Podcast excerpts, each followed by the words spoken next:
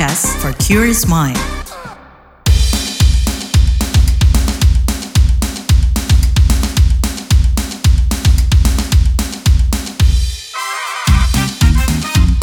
What's Trending KBR Pagi, siaran pagi radio paling update. KBR Pagi, siaran pagi radio paling update. Selamat pagi, apa kabar kalian semuanya di hari Kamis 12 Oktober 2023. Kembali lagi saya Don Brady menjadi teman pagi hari kalian semuanya di What's Trending KBR Pagi pastinya. Nah, Pantai Loji di Sukabumi, Jawa Barat belakangan santer dibicarakan netizen plus 62 nih. Mulanya kelompok pemuda peduli lingkungan bernama Pandawara membuat konten soal pantai tersebut. Konten berupa video itu pun diunggah di media sosial. Di awal video tampak seorang anggotanya memasang tulisan Selamat datang di pantai terkotor nomor 4 di Indonesia dan mengundang semua orang untuk ikut dalam aksi bersih-bersih pada 6 hingga 7 Oktober 2023. Video ini lalu viral. Viralnya konten ini kemudian menimbulkan rentetan reaksi. Salah satunya respon datang dari Karang Taruna setempat yang mau melayangkan somasi jika dalam 2 kali 24 jam tak mengklarifikasi maksud pantai terkotor keempat di Indonesia. Tak lama berserang, Pandawara memberikan klarifikasi. Mereka menyebut pantai terkotor keempat itu adalah urutan kunjungan Pandawara, bukan urutan atau peringkat. Selain itu, pihaknya menyampaikan tidak ada satupun penolakan dari Karang Taruna, Ormas, atau kepala desa setempat. Karena itu, kelompok ini meminta semua pihak stop saling menyalahkan siapa pun. PJ Gubernur Jawa Barat Bey Mahmudin menanggapi kontroversi kotornya pantai Loji. Bey mengungkap adanya limbah kain tekstil, limbah garmen, dan berbagai sampah lainnya. Bahkan kotornya pantai Loji, kata Bey, diakui oleh sang kepala desa sejak dulu.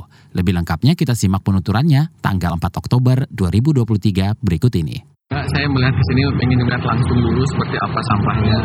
Dan setelah lihat ternyata hampir semuanya anorganik dan ternyata Pak Kapolres Pak Dandim juga Pak Kades membenarkan bahwa ini adalah limbah semacam kain kain bekas tekstil garmen garmen limbah garmen dan semuanya sejenis. Nah tadi saya tanya ke Pak Kades mulai kapan sampah-sampah seperti ini.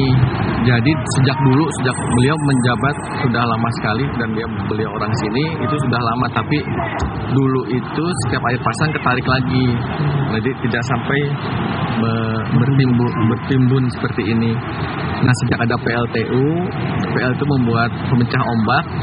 Nah itu terkonsentrasi di sini terkonsentrasi di sini menjadi banyak seperti ini dan itu juga rutin dibersihkan terakhir Pak Dandim bulan Juni sampai bulan Juli dibersihkan sekarang sudah ada lagi setinggi ini artinya tetap kesadaran kita untuk membuang limbah, limbah sampah itu tetap masih sangat rendah.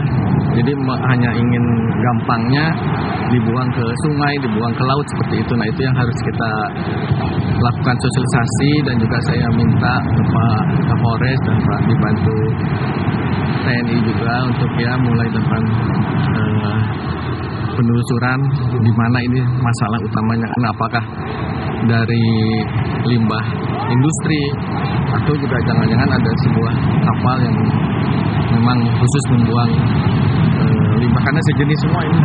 Ya semuanya dugaan kita perkirakan apa tapi yang nanti nantilah kita tunggu seperti apa. Karena juga harus juga karena ini lintas kabupaten lintas kota nanti juga kami rapatkan di tingkat provinsi. Karena ini lagi-lagi sampah kan masalah itu jadi tidak ber apa masalah sama lah sampah di mana-mana entah sampah di perkotaan ini juga sampah sampah industri nah, karena tetap yang didudukan itu masyarakat. Jadi ya tindakan selanjutnya kan dibersihkan dulu. Nanti kami cek lagi kami sosialisasikan dulu ke yang pasti aliran Cimandiri itu di kota Sukabumi dan kabupaten Sukabumi itu mungkin akan kami sosialisasikan. Tapi saya minta tadi jangan hanya kita bersihkan tapi dari hulunya juga kita mulai seperti apa Bersih-bersih sampah kemudian dilakukan pihak Pemda pada hari Rabu 4 Oktober 2023 menggandeng TNI Polri, warga dan sejumlah relawan sebelum jadwal bersih-bersih yang dipublis Pandawara pada media sosial. Sementara itu di hari H acara bersih-bersih Pandawara berhasil mengajak sekitar 1.300 orang mengumpulkan 100 ton sampah. Melansir sukabumiupdate.com per 6 Oktober kemarin diperkirakan ada 100 ton sampah yang tersangkut. Menurut Dandim Kabupaten Sukabumi, Letkol Infantri Menteri Anjar Ari Wibowo di hari pertama pembersihan ada 45 ton sampah. Nah kita bakal bahas lebih lanjut soal ini usai komentar netizen plus 62 berikut ini.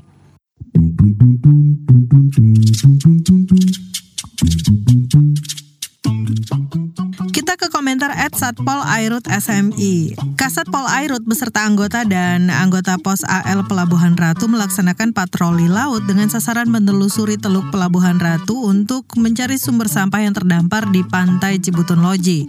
Lalu komentar at Drama XX ini terjadi di sungai-sungai Bantul. Pantainya kotor karena jadi muara dari sungai-sungai yang bawa sampah.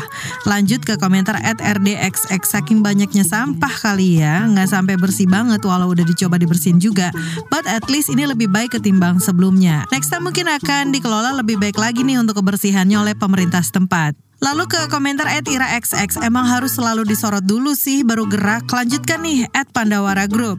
Lalu komentar at Andrian XX, kalau pantai bersih banyak pengunjung, wisatawan berkunjung, masyarakat bisa dagang, perputaran duit ada, semua bisa kerja, apakah nggak bahagia masyarakat di sana? Bisa memajukan ekonomi warga?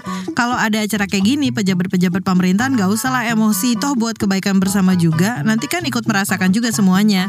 Lanjutkan cari pantai kotor nomor 5. Komentar at Codename XX, Padahal view-nya kece kalau nggak ada sampah. Dan terakhir komentar at sajak XX. Kalau kita jaga alam, maka alam juga akan menjaga kita.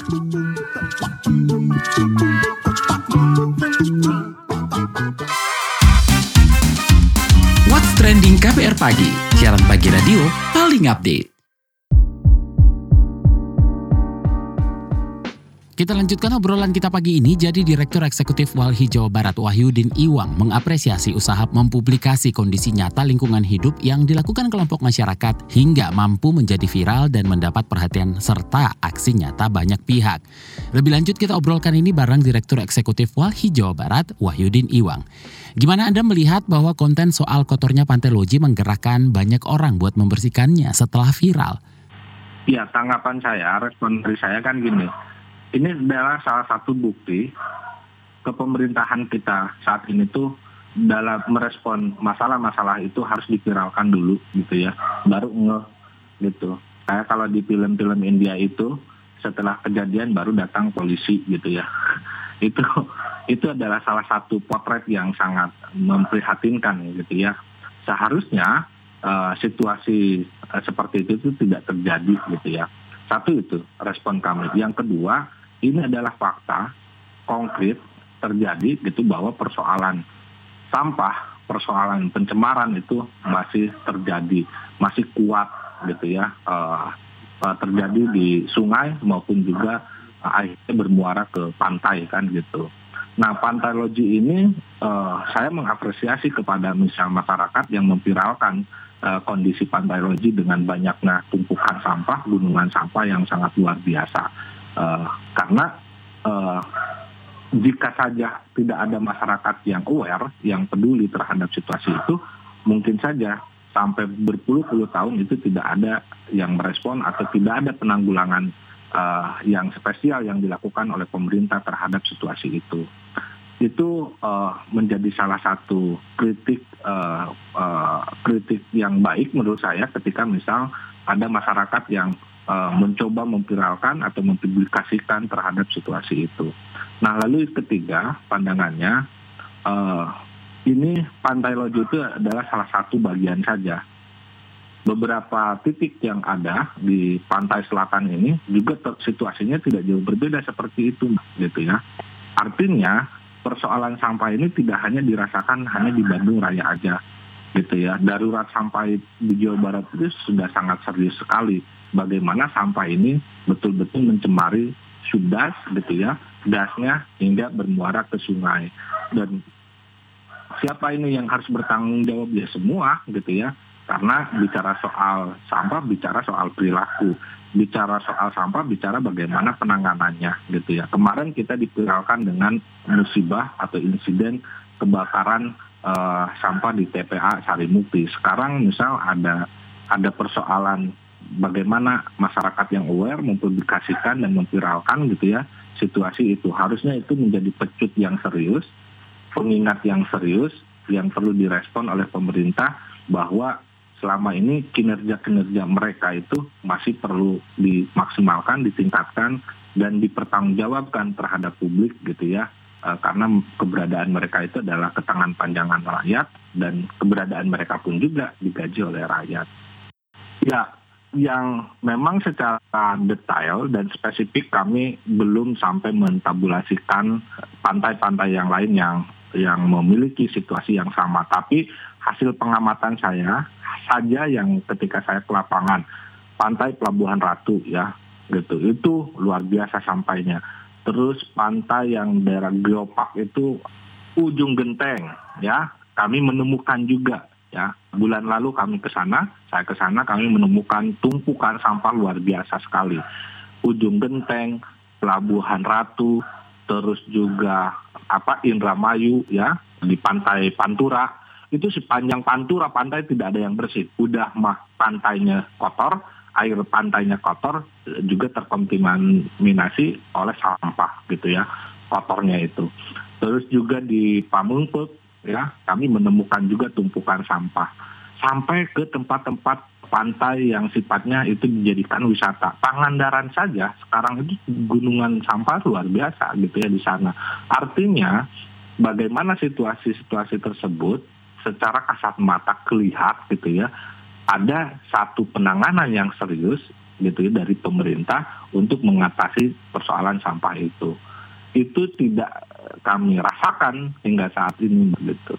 Ya, yang memang secara detail dan spesifik kami belum sampai mentabulasikan pantai-pantai yang lain yang yang memiliki situasi yang sama. Tapi hasil pengamatan saya saja yang ketika saya ke lapangan pantai Pelabuhan Ratu ya gitu itu luar biasa sampainya terus pantai yang daerah Geopak itu ujung genteng ya kami menemukan juga ya bulan lalu kami ke sana saya ke sana kami menemukan tumpukan sampah luar biasa sekali ujung genteng Pelabuhan Ratu terus juga apa Indramayu ya di pantai Pantura itu sepanjang pantura pantai tidak ada yang bersih. Udah mah pantainya kotor, air pantainya kotor, juga terkontaminasi oleh sampah gitu ya, kotornya itu. Terus juga di Pamungput ya, kami menemukan juga tumpukan sampah. Sampai ke tempat-tempat pantai yang sifatnya itu dijadikan wisata. Pangandaran saja sekarang itu gunungan sampah luar biasa gitu ya di sana. Artinya bagaimana situasi-situasi tersebut secara kasat mata kelihat gitu ya ada satu penanganan yang serius gitu ya dari pemerintah untuk mengatasi persoalan sampah itu. Itu tidak kami rasakan hingga saat ini begitu. Nah, kelompok pemuda yang memviralkan kotornya tempat ini kan sempat harus mengklarifikasi terkait kontennya. Nah, gimana Anda melihat situasi ini? Ya sangat kerap sekali itu terjadi ya ke aktivis lingkungan juga tidak hanya ke kelompok muda yang memviralkan masalah itu. Dan kami menduga ini di framing aja masyarakat ini di framing oleh oknum-oknum yang memiliki kepentingan gitu ya. Karena secara logika masyarakat bukan malu seharusnya tidak malu. Dan saya meyakini warga yang berada di dekat dengan pantai loji saya yakin mereka tidak malu. Malah yang ada mereka senang gitu ya menurut uh, paham kami. Sampai punya kepikiran seperti itu gitu. Itu apa yang dilakukan oleh teman-teman ini itu adalah bentuk kesantunan mereka terhadap lingkungan yang seharusnya peran itu tuh dilakukan oleh pemerintah seharusnya dan dijalankan oleh pemerintah bukan oleh anak-anak muda gitu ya meskipun pada prakteknya persoalan lingkungan itu bukan persoalan juga pemerintah tapi persoalan kita bersama nah mungkin saja pada saat memviralkan itu kebetulan yang menemukan kondisi seperti itu tuh anak-anak muda ini. Karena saya juga meyakini kalaupun juga itu ditemukan oleh kami, oleh pemerintah, ya pemerintah juga masa iya tutup mata gitu dengan kondisi seperti itu. Kan gitu. Nah masyarakat bukan berarti juga diam ketika menemukan seperti itu, tapi kan masyarakat juga butuh uh, pemikiran yang luas. Ini kalau misalnya direspon, dikapi atau dibersihin, sampahnya mau dikemanain. Kan harus ada unsur-unsur yang lain juga yang kemudian bisa membantu membersihkan kondisi atau wilayah tersebut gitu. Aturannya terkait aktivis gimana dan apa yang mestinya dilakukan oleh para pegiat lingkungan dalam melakukan advokasi lingkungan baik lewat konten maupun aksi nyata di lingkungan? Ya, Memang untuk kebijakan produk hukumnya uh, belum ya. Kami mendorong itu udah dari tahun berapa gitu ya. Meskipun itu sudah masuk sempat masuk ke prolegnas gitu ya. Bagaimana ada satu kebijakan bagi aktivis gitu ya untuk membuat kebijakan perlindungan hukum bagi para aktivis atau masyarakat. Nah ini tuh belum keluar. Tapi kan gini, kalaupun juga tidak itu, kan di Undang-Undang PPLH itu Eh, sangat jelas sekali pasal 69 itu. Masyarakat yang memperjuangkan lingkungan yang baik dan sehat maka tidak bisa dipidana maupun juga diperdatakan gitu. Jadi masih menggunakan itu meskipun sering sekali pasal itu tuh masuk ke anti anti slab ya gitu dapat uh, belum bisa dapat dipertanggungjawabkan gitu ya di pengadilan bahwa orang tersebut atau kelompok muda itu bisa dikatakan sebagai pejuang lingkungan gitu karena pasal itu pasal itu tuh lebih spesifiknya tidak bisa dipidana maupun diperdata itu bagi para aktivis yang memperjuangkan lingkungan gitu ya. Pasal itu spesifiknya seperti itu gitu. Nah, selama ini sejauh ini ketika kami masih memiliki undang-undang 28 2009 terkait perlindungan pengelolaan lingkungan hidup atau PPLH yang di mana ada klaus yang diperjuangkan lingkungan yang baik dan sehat tidak bisa dipidana dan diperdatakan itu adalah salah satu payung hukum yang kuat bagi siapa pun tidak hanya aktivis masyarakat secara luas untuk memperjuangkan lingkungan yang baik dan sehat itu maka tidak bisa digugat baik secara pidana maupun perdata gitu. Bagaimana aksi semacam ini di mata hukum? Apa perlu izin dan bisa dilarang? Dan apakah bermasalah jika dibikin konten hingga viral? nggak ada klausul atau produk hukum yang melarang itu. Mana? Kalau misalnya ada larangan seperti itu, pihak pemerintah sampaikan produk hukum yang seperti apa yang ketika masyarakat punya upaya untuk membersihkan lingkungan gitu. Pada kondisi saat ini ya eh, sampah di pantai gitu ya. Kami tidak menemukan ada klausul pada produk hukum yang ada gitu. Nah, kalaupun juga viral gitu ya kan yang menjadi persoalan selama fakta gitu ya eh, itu juga kenapa tidak yang tidak boleh produk hukum yang mengamanatkan kondisi saat ini tidak boleh itu kan yang sifatnya hoax kan gitu atau hal-hal yang memang belum bersifat atau memiliki unsur kebohongan kan gitu. Selama ini kami tidak mendapatkan produk hukum yang mengatur untuk pelarangan bagi masyarakat membersihkan lingkungan. Makanya aneh kalau misalnya ada indikasi pemerintah atau siapa pun itu yang mengatakan pelarangan bagi masyarakat, aktivis ataupun siapa pun yang melakukan perbaikan lingkungan atau pembersihan lingkungan yang dilakukan misal contohnya di Pantai Loji oleh teman-teman anak muda gitu. Terus aneh aja kalau misalnya ada pelarangan kan gitu. Ruang publik itu bisa dibersihkan, bisa ditata, bisa dipropea kalau bahas kami gitu ya oleh siapa pun di sini, oleh masyarakat, oleh aktivis dan lain sebagainya. Selama itu ruang publik gitu ya. Newsbeat. Warga di wilayah Nagoya, Jepang dilarang berjalan di eskalator. Aturan ini dibuat lantaran ada banyak kecelakaan yang terjadi saat orang berjalan dan berlari ketika naik atau turun dari eskalator. Artinya, pengguna eskalator hanya boleh berdiri diam dalam perjalanan naik maupun turun. Peraturan ini berlaku di eskalator mana pun, baik di pusat perbelanjaan, stasiun, dan tempat umum lainnya. Untuk menyosialisasikan aturan ini, pemerintah kota Nagoya sampai memasang iklan di televisi, memasang poster di stasiun-stasiun kereta api utama. Sebuah penelitian yang dilakukan Wingate University di North California dan University College London mengungkapkan dampak kekerasan verbal seperti meneriaki, merendahkan hingga mengancam anak mampu berdampak buruk pada perkembangan mereka. Bahkan para peneliti menyebut dampaknya bisa seperti kekerasan fisik atau seksual.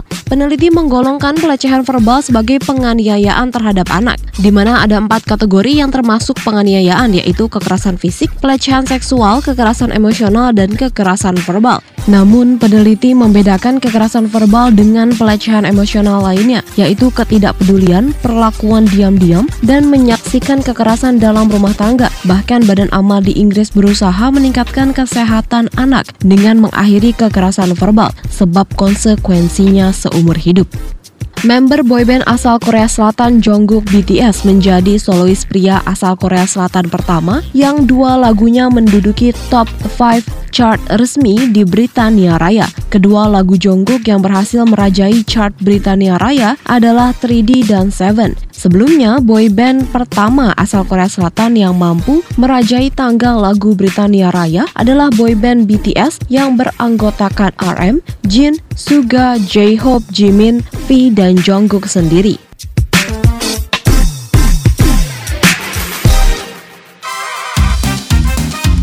What's Trending KBR Pagi, siaran pagi radio paling update. Di paruh akhir What's Trending kali ini kita juga punya info soal Ubud Writers and Readers Festival dan Ubud Food Festival. Yang bingung mau ke mana dari tanggal 18 hingga 20 Oktober nanti, bisa banget nih datang ke festival ini. Festival ini diselenggarakan Yayasan Mudra Suwari Saraswati yang bergerak untuk membantu Indonesia mencapai potensi penuhnya dengan memanfaatkan kekayaan seni dan budayanya. Tanpa berlama-lama, langsung saja kita dengarkan wawancara reporter KBR Lea Banesa. Thank you Don, bener banget. Ubud Writers and Reader Festival dan Ubud Food Festival tuh nggak cuma have fun aja, tapi juga bisa meningkatkan literasi, khususnya soal kekayaan seni dan budaya, di mana duta resmi Ubud Writers and Readers Festival dan Ubud Food Festival adalah Laksmi Syari Denif, mempercayai kalau seni dan budaya adalah aset terbesar dari bangsa ini. Laksmi menyebut visi misi kedua festival ini adalah memperkuat bangsa melalui pendidikan khususnya di kegiatan seni dan sastra. Nah, lebih lanjut mengulik soal festival ini, Lea udah bareng dengan Festival Manager dari Ubud Writers and Readers Festival dan Ubud Food Festival, Dwi Ermayanti. Halo, selamat pagi Kak Erma. Halo, pagi Lea. Kak, yang pertama nih, boleh nggak sih dikenalkan soal Yayasan Mudra Suwari Saraswati, juga soal Ubud Writers and Reader Festival dan Ubud Food Festivalnya nih Kak? Ya, jadi Yayasan Mudra Suwari Saraswati itu berdiri tahun 2004 didirikan oleh Ibu Janet Denif dan suaminya Bapak Ketut Suwardana yang mana hmm. adalah uh, orang tua dari Laksmi, okay. uh, eh, ambasador kita. Dan programnya yang pertama dari yayasan itu adalah uh, Ubud Writers and Readers Festival. Jadi uh, yayasan ini menaungi sebetulnya uh, Ubud Writers ini. Hmm. Itu waktu 2004, 20 tahun yang lalu itu didirikan untuk uh, sebagai project recovery setelah bom Bali 1. Jadi niatnya memang bagaimana mengembalikan turisme ke Bali. Salah satu program melalui Ubud Writers. Kemudian yayasan berkembang sehingga di tahun 2015 yayasan melahirkan satu festival baru lagi Ubud Food Festival. Kali ini tujuannya memang uh, karena Ibu Janet suka banget kuliner Indonesia gitu. Jadi yeah. beliau ingin bagaimana kuliner Indonesia ini bisa diperkenalkan kepada dunia. Salah satunya yang melalui uh, Ubud Food Festival seperti itu. Oke, terkait dengan festivalnya nih Kak, konsep dan temanya nih bakal seperti apa nih Kak? Kalau untuk ini yang paling dekat kan uh, Ubud Writers ya. Kalau Ubud Food tahun ini sudah selesai kemarin di bulan okay. Juni. Uh, Ubud Writers itu tahun ini kita mengambil tema Atita Wartamana Anagata itu kita ambil dari filosofi Hindu tentang hmm. waktu. Uh, kalau diterjemahkan dalam bahasa Inggris jadinya past, present, future gitu. Jadi okay. kita ingin meng-highlight gitulah uh, bahwa prinsip kita mungkin bukan hanya di di Hindu Bali tapi hmm. di uh, kepercayaan banyak kepercayaan di Indonesia bahwa kita tuh percaya bahwa waktu itu adalah siklus bukan linier gitu. Yeah. Jadi sebetulnya past, present, future itu connected satu sama lain. Itu yang ingin kita bawa di festival tahun ini dan nanti akan dikemas dalam berbagai program. Ada diskusi, kemudian pemutaran film, kemudian juga ada pertunjukan seni seperti itu. Oke, karena waktu dulu, sekarang, dan masa depan juga sama pentingnya gitu ya kak ya? Betul, seperti film Interstellar gitu yeah. kan kalau pada nonton Interstellar. Yeah. Oke, okay. Kak, iya. uh, seperti Kakak tadi bilang kalau Laksmi ini kan duta resmi dari kedua event ini ya, Kak. Nah, sejauh Betul. apa sih Kak keterlibatannya? Uh, Laksmi itu kan baru uh, sebetulnya baru di secara resmi gitu ya kita nobatkan sebagai duta uh, setelah uh, Laksmi tahun lalu masih sibuk di Putri Indonesia gitu. Yeah. Jadi mulai aktivitas Laksmi di di uh, festival itu sebetulnya sudah sejak Laksmi pulang karena kan sempat kuliah di luar negeri yeah. Iya. uh, cukup lama. Mm -hmm. Kemudian Laksmi pulang itu dia mulai gerakan-gerakan untuk mengajak anak-anak uh, anak-anak jalanan membaca dan Hmm. kemudian karena kegiatan Putri Indonesia sehingga semakin intens uh, campaign Laksmi for Literasi ini. Jadi untuk tahun ini memang uh, kita fokuskan Laksmi ini sebagai uh, mercusuar gitu, sebagai penyambung lidah yayasan gitu untuk mendengungkan program-program kita gitu yang uh, Oke. baik uh, dari segi literasi uh, maupun kuliner. Kak, eh, kita tahu sendiri kan Laksmi ini adalah perempuan Bali pertama yang memenangkan gelar Putri Indonesia Betul. pada 2022 kemarin. Nah, dia juga seorang desainer, eh, aktivis, penulis buku, aktris dan model. Nah, mungkin boleh dijelasin nggak sih Kak eh, latar pemilihan dari Laksmi ini sendiri? Apakah karena dia memang aktif dalam bidang literasi kah atau seperti apa gitu Kak? Pertama karena memang kita melihat Laksmi memang tertarik gitu ya Mm-mm. dengan kita tahu Laksmi itu cukup mendukung kita cukup lama sebetulnya pada masa Covid. Laksmi itu menginisiasi sebuah kegiatan book club online Iya. uh, di festival gitu. Jadi kita memang tahu Laksmi itu sangat tertarik dengan uh, literasi gitu. Uh, dan kemudian juga pertimbangannya adalah Laksmi tumbuh dan besar bersama festival. Jadi siapa lagi yang tahu festival gitu? Uh, saya rasa Laksmi itu kayak festival mungkin sudah mengalir di darahnya gitu ya Iya. karena dia sudah sudah dilibatkan maksudnya sudah ikut dengan ibunya di festival itu sejak 2004 gitu. Oke, jadi nggak sekedar tahu tapi memang tumbuh dengan adanya festival Betul. itu ya kak. Oke, nah Betul. kak sebagai duta sendiri pesan-pesan apa aja sih yang dibawa Laksmi ini sendiri khususnya soal promosi literasi dari pertukaran budaya dan juga warisan kuliner di festival ini nih kak. Iya, sebenarnya kita menaruh harapan besar ya di Laksmi sebagai ambasador gitu karena pertama Laksmi itu muda dan juga kami percaya Laksmi itu mampu memberikan pengaruh atau influence itu ke circle-nya atau ke follower-followernya gitu dan jadi latar belakangnya sebetulnya kami memang eh, di yayasan terutama di Ubud Writers kami sedang ingin mengembangkan bagaimana eh, awareness terhadap literasi, awareness terhadap pentingnya membaca itu tumbuh di kalangan generasi muda. Dan Oke. challenge kita adalah tahun eh, belakangan ini kita perangnya compete-nya itu dengan konten gitu, dengan sosial media gitu Mm. yang orang mungkin tanpa sadar spending waktu 6 jam gitu di sosial media sehari gitu. Padahal kalau seandainya mungkin mau aja mengurangi misalnya satu jam sehari diluangkan untuk membaca buku gitu, itu tuh mungkin bisa selesai satu buku sebulan satu buku gitu dibandingkan dengan menghabiskan banyak waktu di konten-konten yang belum tahu value-nya seperti apa gitu. Jadi itu campaign yang sedang kita galakkan juga bersama Laksmi dan juga selain dengan Laksmi kita juga ada kerjasama dengan pihak lain yang juga ingin menumbuhkan awareness itu. Jadi kayak ayo lima menit aja, satu halaman aja per hari gitu. Jadi eh, kita ingin menumbuhkan minat itu di kalangan generasi muda Indonesia. Oke, emang sekarang kita perangnya dengan media sosial gitu ya kak, di mana Betul. waktu tuh kayak nggak berasa bisa kalau main media sosial, tapi kalau suruh baca buku ada cenderungan males gitu ya kak ya. Betul untuk ngambil buku aja tuh males gitu karena Uh-uh. itu juga berbagai berbagai cara gitu kita Iya. upayakan. Jadi misalnya kita tahu oke generasi muda tuh spending lebih banyak waktu di handphone. Mm-mm. Oke bukunya nggak lagi berupa buku fisik. Kita Oke, ibu. eh, kita juga sedang menggandeng ya kita juga sedang menggandeng sebuah platform e-book Mm-mm. untuk menyebarluaskan gitu. Ayo di handphone pun bisa kok baca buku gitu. Nggak harus bawa buku tebal ke mana-mana gitu. Oke baik. Nah sebelum kita bahas lebih lanjut soal festival dan program dari Yayasan Mudra Suari Saraswati, kita bakal bahas bareng Festival Manager dari Ubud Writers and Readers Festival dan Ubud Food Festival Dwi Ermayanti. Usai jeda berikut. Satu kata yang mendeskripsikan cinta, respect. jahat, selfless. komunikasi, Itu kata mereka soal cinta. Dengarkan Love Buzz di kbrprime.id. Tersedia juga di platform mendengarkan podcast lainnya. Love Buzz membicarakan perkara yang tidak dibicarakan ketika berbicara perkara cinta.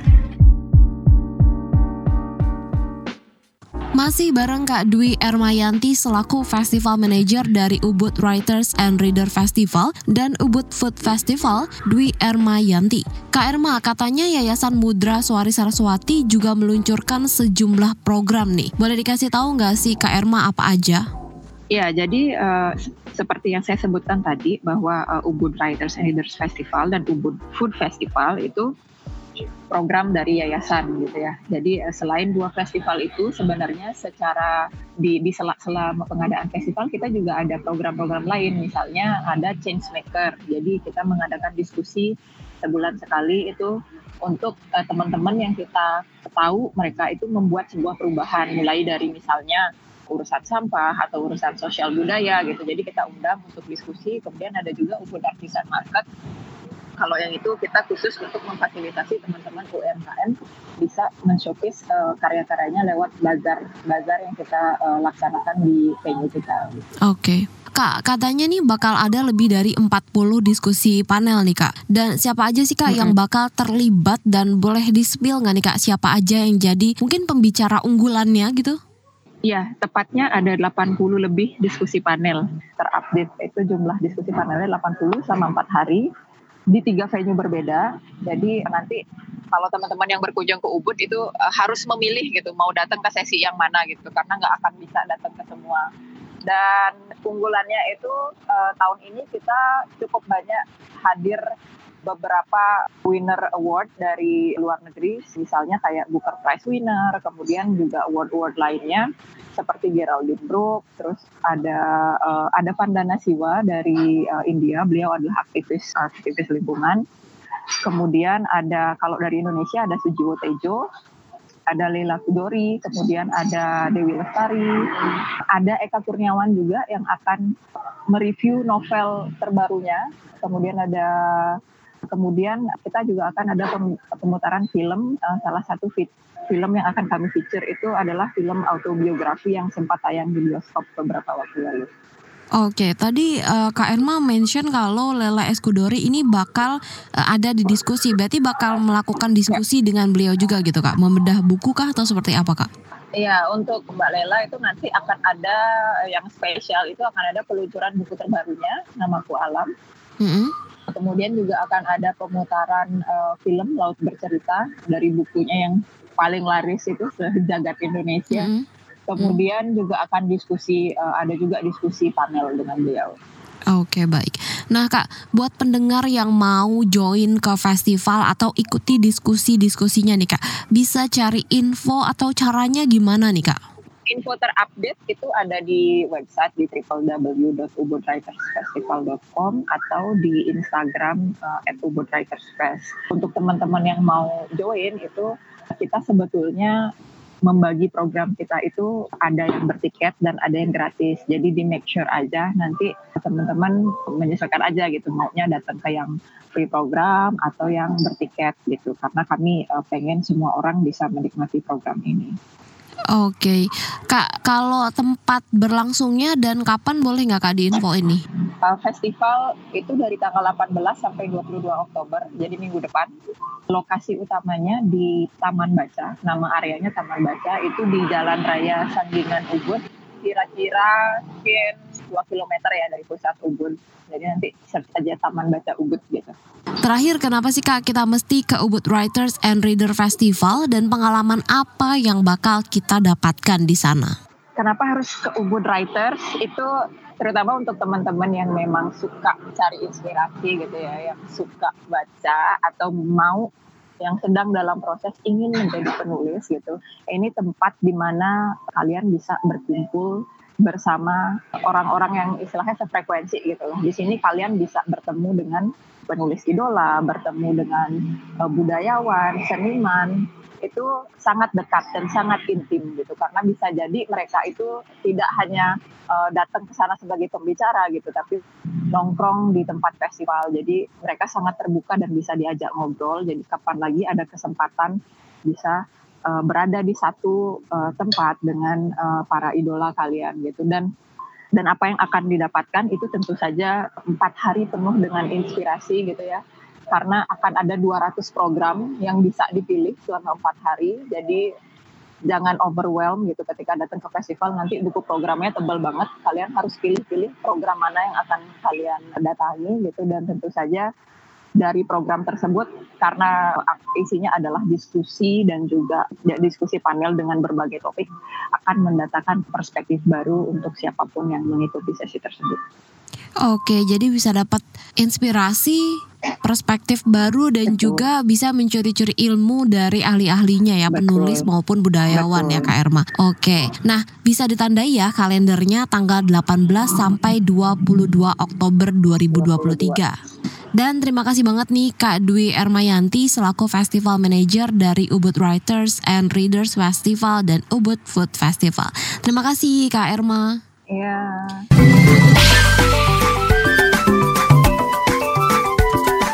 WhatsApp Indonesia. WhatsApp Indonesia kita mulai dari Jakarta. Anggota Dewan Perwakilan Rakyat DPR RI, fraksi Partai Kebangkitan Bangsa PKB, ET, meminta maaf dan mengaku menyesal atas perbuatan sang anak yang diduga menganiaya pacarnya hingga tewas. Atas kematian korban, ia mengungkap turut berbela sungkawa atas kejadian ini. Lansir CNN, ET mengaku kaget dengan perbuatan anaknya. Dia juga memastikan anaknya bakal mempertanggungjawabkan perbuatannya di mata hukum dan Tuhan. Selanjutnya menuju Lampung. Dua komisioner Badan Pengawas Pemilu Bawaslu Kabupaten Tulung Bawang, Lampung disidang etik lantaran ketahuan menjual mobil dinasnya. Mereka berinisial RL dan DT. Sidang dilakukan di kantor KPU Provinsi Lampung. Mereka dikabarkan menjual mobil dinas sebesar 15 juta rupiah.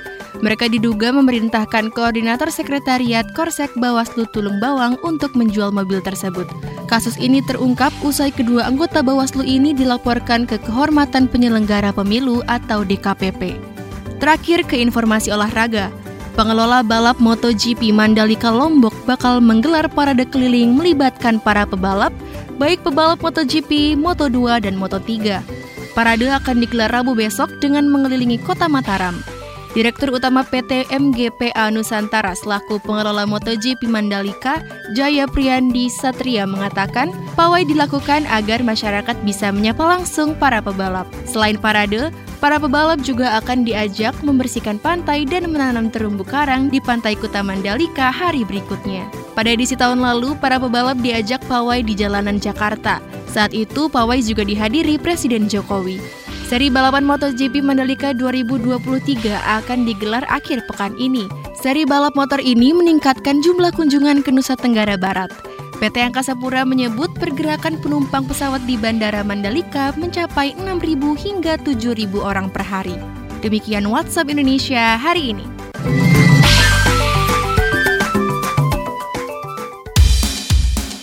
Terima kasih sudah mendengarkan What's Trending KBR Pagi. Jangan lupa tetap dengarkan podcast What's Trending di kbrprime.id dan di aplikasi mendengarkan podcast lainnya. Don Brady pamit, besok kita ketemu lagi. Stay safe, bye-bye. What's Trending KBR Pagi, siaran pagi radio paling update.